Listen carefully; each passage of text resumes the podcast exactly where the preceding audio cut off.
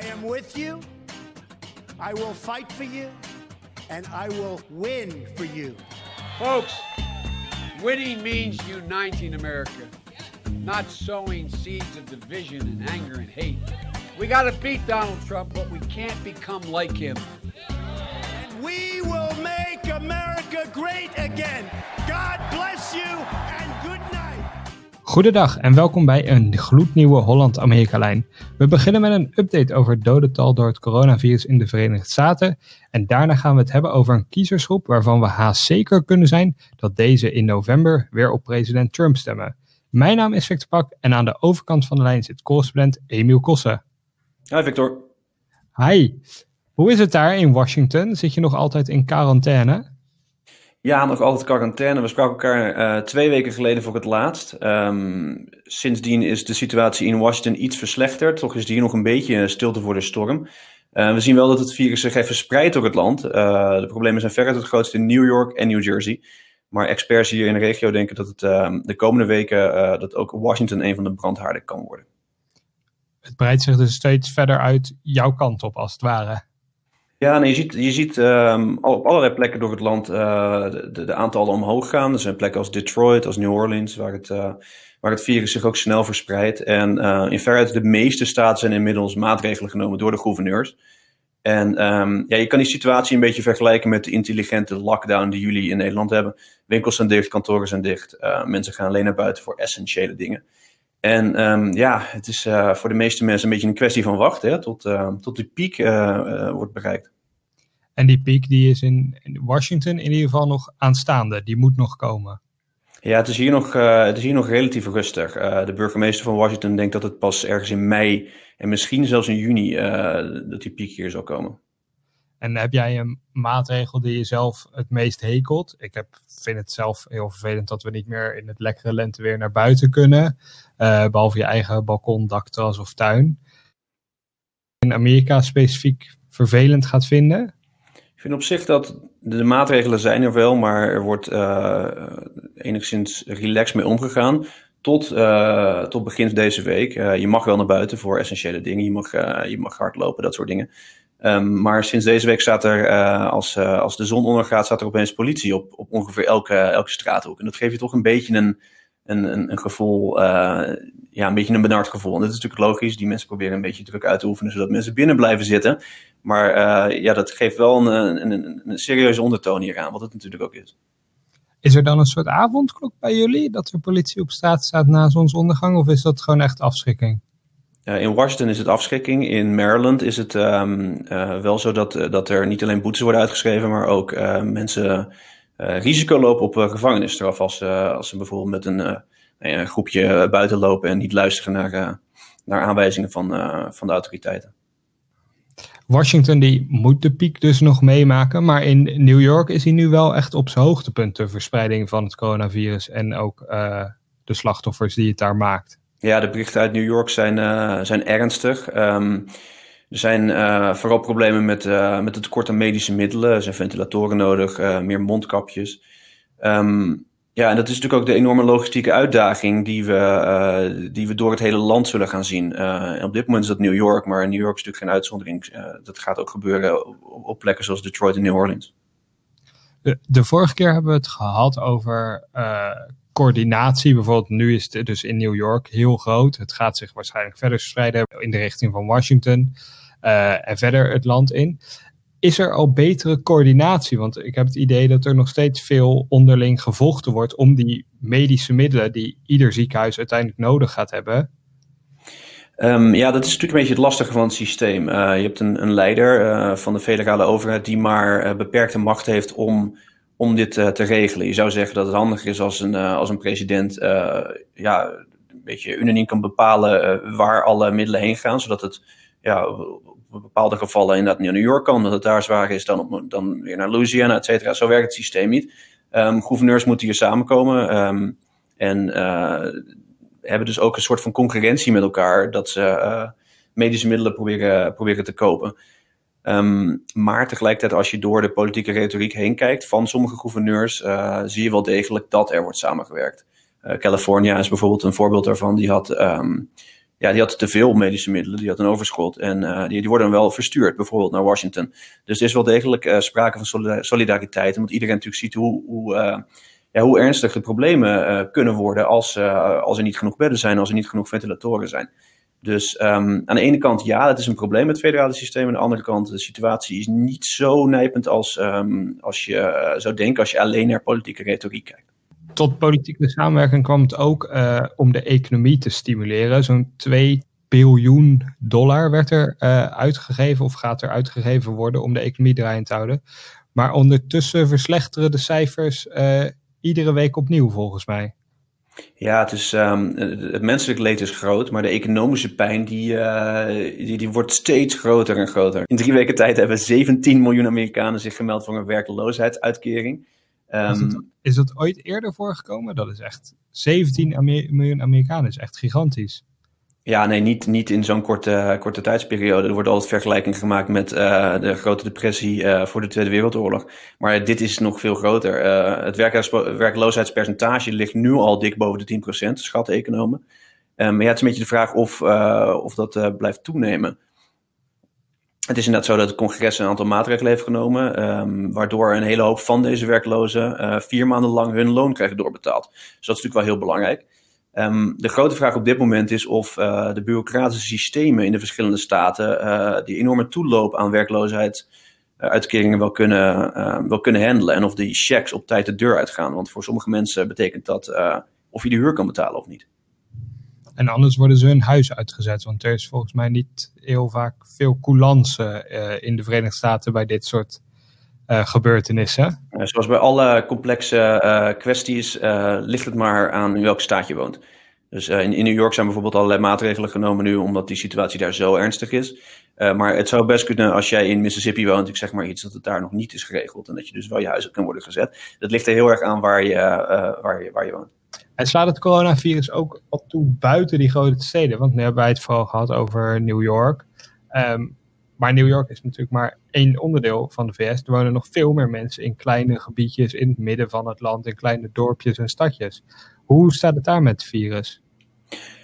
Ja, dat is waar. Um, New York en New Jersey hebben samen uh, meer coronagevallen dan uh, de hele uh, rest van Amerika. Dus dat is ten eerste. New York is daadwerkelijk het grote probleem. Maar het is natuurlijk zo dat het virus ja, zich niet houdt aan, aan grenzen. En um, inmiddels hebben alle 50 staten uh, coronavirus uh, of coronapatiënten gemeld. Dus het is natuurlijk wel zo dat op een bepaald moment iedereen hier, hiermee, moet, hiermee moet zien om te gaan. Ook op het platteland.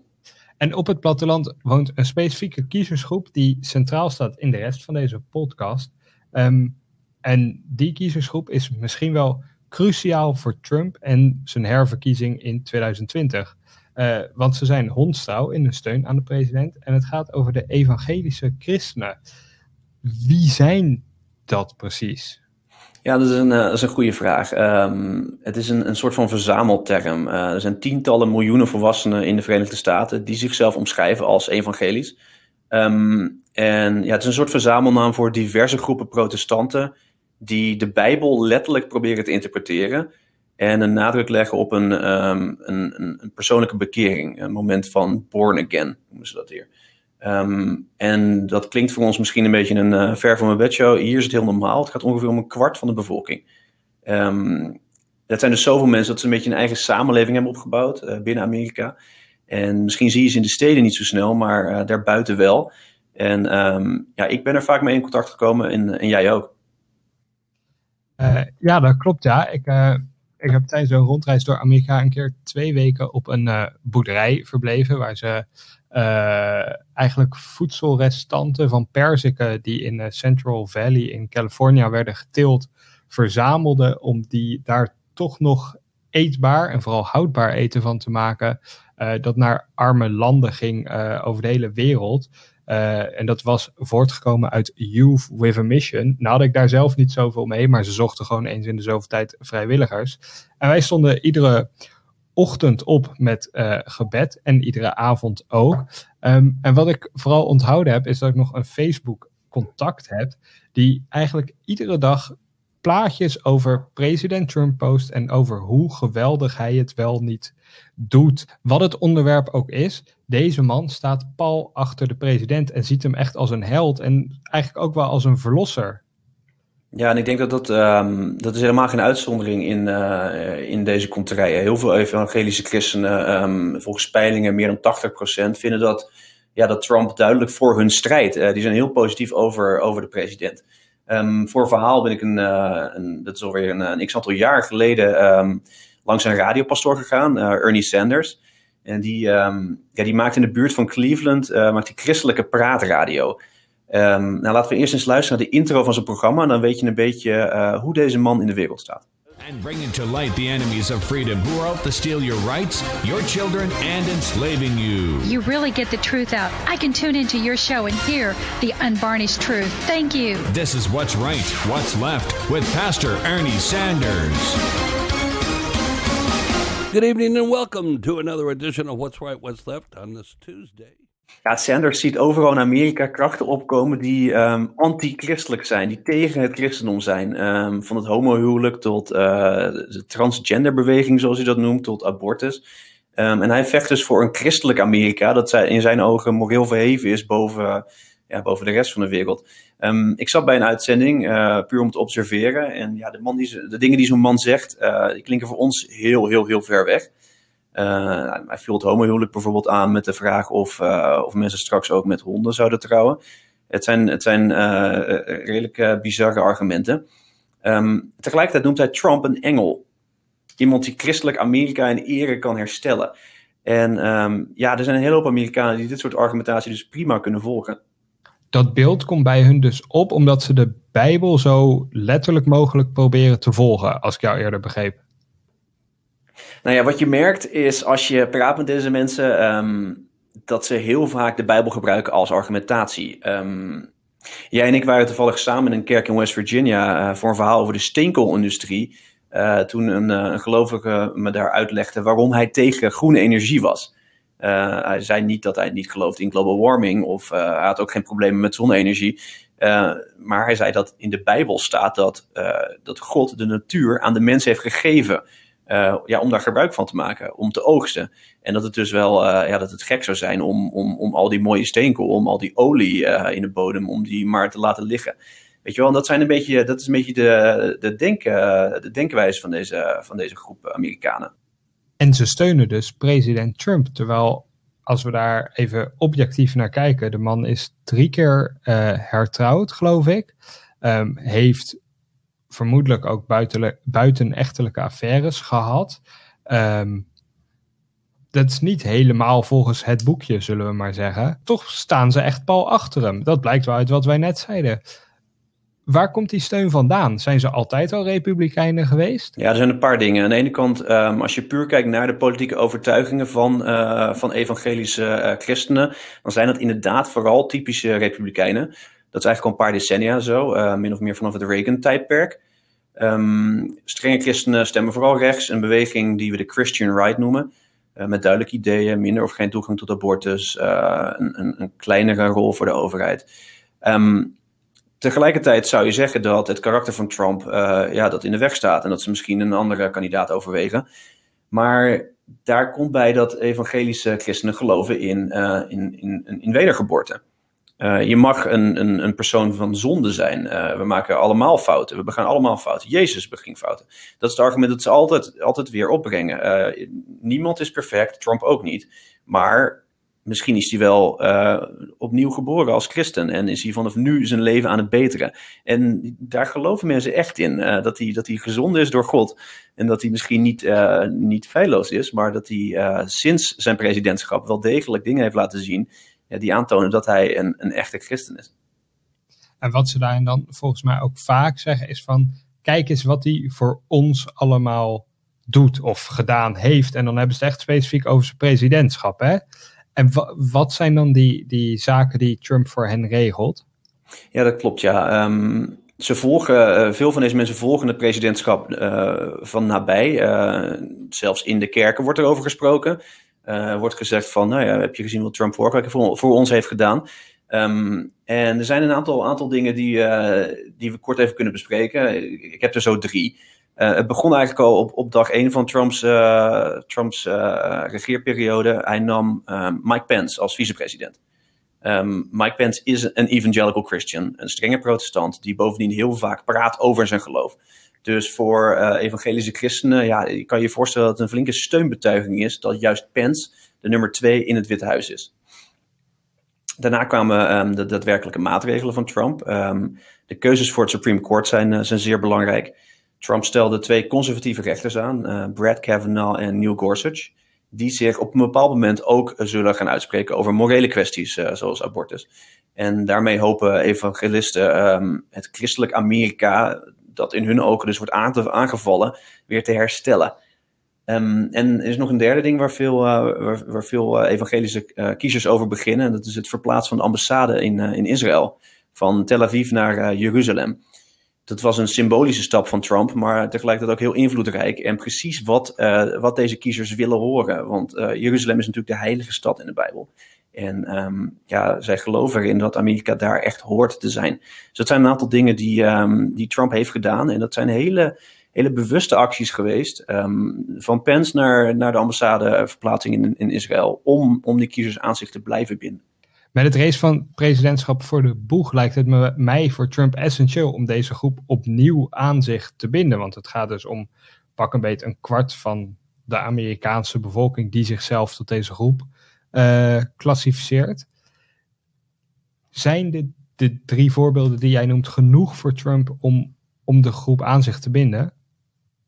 Um, anekdotaal kan ik je zeggen ja. Uh, de mensen die ik spreek uh, uit deze contrij zijn nog steeds positief over Trump. En uh, twijfelen er in veel gevallen niet over om op iemand anders te stemmen. Zeker niet op Joe Biden, die katholiek is. Dat, dat ligt elkaar niet zo, niet, niet zo lekker.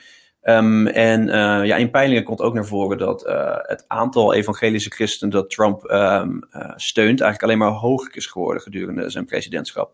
Ook interessant eigenlijk vrijwel elke christelijke groep um, met een blanke achtergrond, dus blanke christenen, die zijn positief over Trump. Meer dan de helft van deze groepen, of het nou katholieken zijn of protestanten, of het nou hele strenge christenen zijn of, of, of meer gematigde christenen, uh, meerderheden zijn pro-Trump. En dat komt dus door die dingen die hij heeft gedaan om Amerika's godsdienst, Amerika's eerste godsdienst, te beschermen en te versterken. En Trumps verleden, wat niet als heel christelijk te omschrijven is, speelt daardoor voor die groep eigenlijk geen rol meer. Nou ja, het is makkelijk af te doen. Hè? je wijst maar naar de Bijbel. Je zegt, uh, um, wij vinden dat mensen uh, opnieuw moeten worden geboren. En, en, kijk naar Trump. Kijk naar Trump wat hij doet. Kijk naar zijn Bijbelklasjes. Kijk naar, naar het feit dat hij, uh, dat hij naar de kerk gaat, um, et cetera, et cetera. Natuurlijk kunnen wij allerlei voorbeelden aanwijzen, ook van de afgelopen jaren, waar zijn gedrag helemaal niet christelijk is. Maar um, ja, daar gaan ze, gaan ze redelijk makkelijk aan voorbij. Want ja, iedereen begaat zondes, Victor. Jij ook. En ik ook, ja. Zo is het natuurlijk wel. Trump bezoekt inmiddels wel een kerk en probeert volgens mij dus echt aan deze groep kiezers te laten zien: kijk, ik, ik hoor bij jullie en ik ben er voor jullie. Um, dat is wel opvallend volgens mij. Ja, het is ergens een beetje dubbel. Um, het is eigenlijk een traditie dat een Amerikaanse president vroeg in zijn termijn um, een soort van uh, stamkerk, uh, stamkerk in Washington uit, uh, uitkiest en daar af en toe op een zondag naartoe gaat. Um, Trump deed daar heel lang over, wat ja, de, de, de, zorgen over zijn, zijn christelijke achtergrond misschien vergroten. Um, en nu gaat hij per week, één keer in zoveel paar, in zoveel weken, gaat hij naar een verschillende kerk. Naar, de ene keer naar deze kerk, de andere keer naar, naar een andere kerk. En ja, terwijl Obama werd gezien als een soort van uh, aardsvijand van evangelische christenen door deze mensen zelf, um, wordt dat bij Trump geaccepteerd. Dus aan de ene kant, ja, hij probeert, um, hij probeert zijn, uh, zijn status uh, te bevestigen door naar de kerk te gaan, um, wat hij misschien eerder niet zo vaak deed. en tegelijkertijd houdt hij zich niet echt aan de traditie zoals vrijwel elke andere president wel deed. En een traditie die Trump begonnen is, zijn natuurlijk zijn tweets. The president, as you know, has been tweeting today about Puerto Rico. As we sit here testifying, the president is attacking you on Twitter. Twitter is a wonderful thing for me because I get the word out. We zouden het te midden van de coronacrisis bijna vergeten, maar de voorverkiezingen waren natuurlijk ook aan de gang en daar was deze week groot nieuws. Ja, Trump tweet erover. Bernie Sanders is out. Hoofdletters. Thank you to Elizabeth Warren. If not for her, Bernie would have won almost every state on Super Tuesday. This, is, this ended just like the Democrats and the DNC wanted. Same as crooked Hillary fiasco. Bernie people should come to the Republican Party. Ja, Bernie is eindelijk uit de race, Victor. Te midden van het uh, coronavirus. Het kon ook niet echt anders meer, want uh, we hebben het eigenlijk nauwelijks meer behandeld omdat de coronacrisis opkwam. Maar hij was ook gewoon kansloos, toch? Maar hij stond ver achter op, uh, op vicepresident Joe Biden. En wat het allemaal lastig maakt, was dat um, ja, de voorverkiezingen eigenlijk min of meer stil liggen. in vrijwel elke, staat is het, is het uitgesteld tot ergens in juni. En dat zou betekenen dat Sanders er tot en met juni mee zou moeten doen om, om überhaupt een kansje te maken. En dat was ook nog eens een hele kleine kans. Dus ja, de druk op Bernie om ermee te stoppen, die, uh, die nam eigenlijk alleen maar toe. En ja, dat is dan nu toch gebeurd. En Trump die geeft eigenlijk Elizabeth Warren de schuld dat Bernie het niet geworden is. En dat is best opvallend, want uh, Warren scoorde tijdens voorverkiezen helemaal niet zo goed. Um, ze lijkt wel heel erg op Sanders qua ideologie. Um, maar dat, dat Warren uh, Sanders de verkiezing heeft gekost, uh, of de nominatie heeft gekost, dat lijkt mij wel sterk, toch? Ja, het is niet echt een sterk argument. Um, het, is, het, is waar dat Warren toch een paar procent van de stemmen kreeg in heel veel van deze staten, die anders waarschijnlijk naar Sanders zouden zijn gegaan. Um, wat er vooral is gebeurd is dat um, de gematigde uh, zijde van de Democratische Partij als één blok achter Joe Biden is gaan staan. En net voor Super Tuesday. En vanaf dat moment was Joe Biden, um, ondanks al zijn gebreken, opeens ja, niet te stoppen. Mensen als Pete Buttigieg, Amy Klobuchar en een hele lijst aan anderen, die, die zeiden hun steun toe aan, aan Biden. En daardoor heeft hij gewonnen. Het is niet, niet, niet dat Bernie Sanders in dit geval actief is tegengewerkt door Elizabeth Warren of, of de partij. Wat in 2016 natuurlijk wel enigszins gebeurde toen bijvoorbeeld de Democratische Partij vragen die tijdens een debat tussen, tussen Hillary en Bernie gesteld werden, alvast aan de campagne van Hillary gaf en niet aan die van Bernie, wat natuurlijk een beetje vals spelen is. Ja, en er waren, en er waren die verhalen over uh, die rare regels rond superdelegates. Um, die, uh, die eigenlijk allemaal al van tevoren hadden gezegd dat ze op Hillary zouden, zouden stemmen. Dus waardoor, waardoor Hillary Clinton een groot, een groot voordeel had vanaf het begin. Ja, en Bernie heeft die regels volgens mij zelf kunnen meeschrijven voor deze voorverkiezing. Dus dat dit niet geworden is, dat kunnen we gewoon uh, aan de kiezer toeschrijven. En de kiezer die een keuze maakt. Uiteindelijk, ja. ja. Want het leek natuurlijk wel een tijdje op dat Bernie het, uh, het misschien wel eens zou, zou kunnen gaan halen. Maar dat kwam puur omdat um, de gematigde uh, stem werd opgedeeld in, in vier, vijf verschillende kandidaten. Laten we Mike Bloomberg ook niet vergeten daarbij. Ja, precies. En nu willen de Democraten natuurlijk eigenlijk weer verenigen. Dus de invloed van Bernie op de Democraten is nog steeds heel groot volgens mij. Ja, nou ja, zeker als je kijkt naar het uh, platform van de partij. Dat is uh, in de afgelopen vier jaar uh, heel erg naar links gegaan. Um, en heel veel van die ideeën die Bernie Sanders, nou ja, twintig jaar geleden al, al, al verspreidde, die zijn tegenwoordig zijn ze normaal geworden binnen de Democratische Partij. Van gratis onderwijs um, tot, tot gezondheidszorg voor iedereen al die, die enorme overheidsplannen, die, um, die heeft Bernie um, mainstream gemaakt. En Joe Biden kan daar niet echt voorbij en dat weet hij ook. Dus zijn zijn plannen ook een stuk um, ja, progressiever dan, dan de platform van, van Hillary Clinton bijvoorbeeld. logisch natuurlijk dat Biden nu zegt dat, uh, dat hij wil dat Bernie, Bernie kiezers op hem gaan stemmen. En Trump doet dus in die tweet hetzelfde. hij zegt, Bernie people should come to the Republican Party.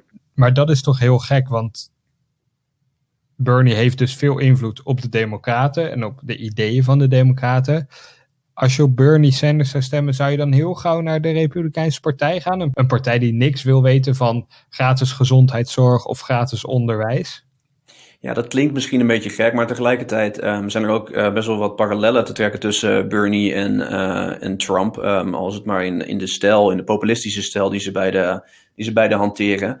Um, en we zagen het in 2016 dat, uh, dat een, een x-aantal procent, uh, eh, 10% van de Bernie supporters tijdens de voorverkiezingen uiteindelijk op Trump stemden. En dat is natuurlijk een gigantisch, uh, kan een gigantisch verschil maken in essentiële swing states. Um, en dan moet je vooral denken aan de pitch die Bernie heeft richting de arbeidsklasse. Bijvoorbeeld mijnwerkers, et cetera. die misschien denken als Trump zegt dat hij dat, dat hij de kolenmijnen openhoudt, dat ze dat eigenlijk ook wel heel leuk vinden. Dus ja, er, er zit best wel wat overlap, overlap in nog. En hoe gaat het nu verder? Ik begreep dat Joe Biden zelf in quarantaine zit uit voorzorg. campagne voeren is lastig in deze tijden. Ja, de campagne ligt, uh, ligt een beetje stil. Um, Biden zit inderdaad thuis. Uh, zijn adviseurs mogen niet bij hem langskomen. Biden is natuurlijk oud. Hij is 77, dus hij zit uh, ja, in die risicogroep. En zelfs zijn Secret Service agenten, die, ehm, ja, die moeten natuurlijk bij hem zijn, maar die, die lopen de hele dag met mondkapjes op. Dus ze zijn wel degelijk bezorgd in het, in het kamp Biden. Um, de komende maanden verwachten we niet al te veel campagne. Uh, tegelijkertijd heeft Trump natuurlijk het podium. Heel Amerika zit thuis en Trump geeft elke dag een persconferentie waar, waar heel veel miljoenen Amerikanen naar kijken. En um, dat zou hem kunnen helpen. Het ligt natuurlijk een beetje aan hoe, hoe die crisis zich, zich zal, zal, zal voortbewegen. Maar um, één ding is zeker, we zien een hele hoop van Trump en niet zo heel veel van Biden. En voorlopig gaat het ook niet veranderen, lijkt mij. De Democraten hebben een partijconventie waarin de nominatie van Joe Biden officieel wordt gemaakt ook een maand naar een maand uitgesteld. In de hoop dat het dan wel door kan gaan. Ja, en waarschijnlijk blijft het dan alsnog een soort van uh, virtuele conventie. Waar er wel uh, speeches zijn, maar geen, uh, geen toeschouwers. Dus ja, het wordt allemaal, ja, het wordt allemaal gewoon een beetje, een beetje anders. Dat geldt natuurlijk voor veel dingen in deze tijden van corona. Gelukkig zijn wij er wel eens in de twee weken. Wilt u de volgende aflevering ook ontvangen in uw favoriete podcast-app? Vergeet u dan niet te abonneren. En bevallen deze afleveringen u nou heel goed? Laat dan alsjeblieft een recensie achter. En graag tot de volgende keer.